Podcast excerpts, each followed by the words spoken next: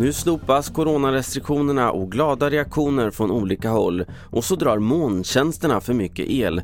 Ja, först till TV4-nyheterna om att regeringen i morse meddelade att coronarestriktionerna slopas från och med onsdag nästa vecka. Statsminister Magdalena Andersson.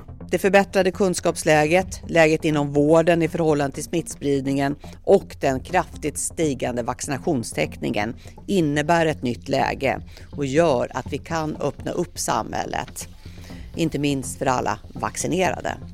Och det här beskedet gläder inte minst den av restriktionerna hårt pressade kulturbranschen. Vi hör artisten Lisa Nilsson.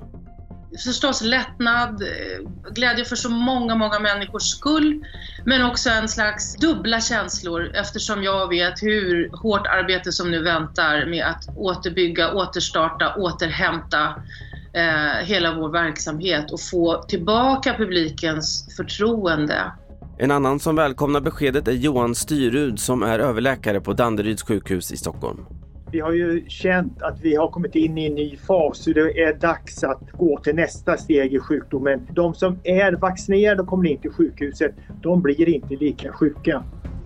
Fler reaktioner hör du på tv4.se. Och sist om att molntjänsterna på internet slukar för mycket el.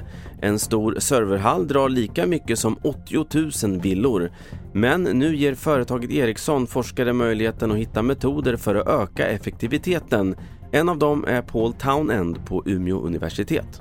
The problem that researchers have at the moment is that the cloud industry is very secretive. They don't give you any information about what they're doing. Ericsson are helping us to understand what actually goes on in the cloud.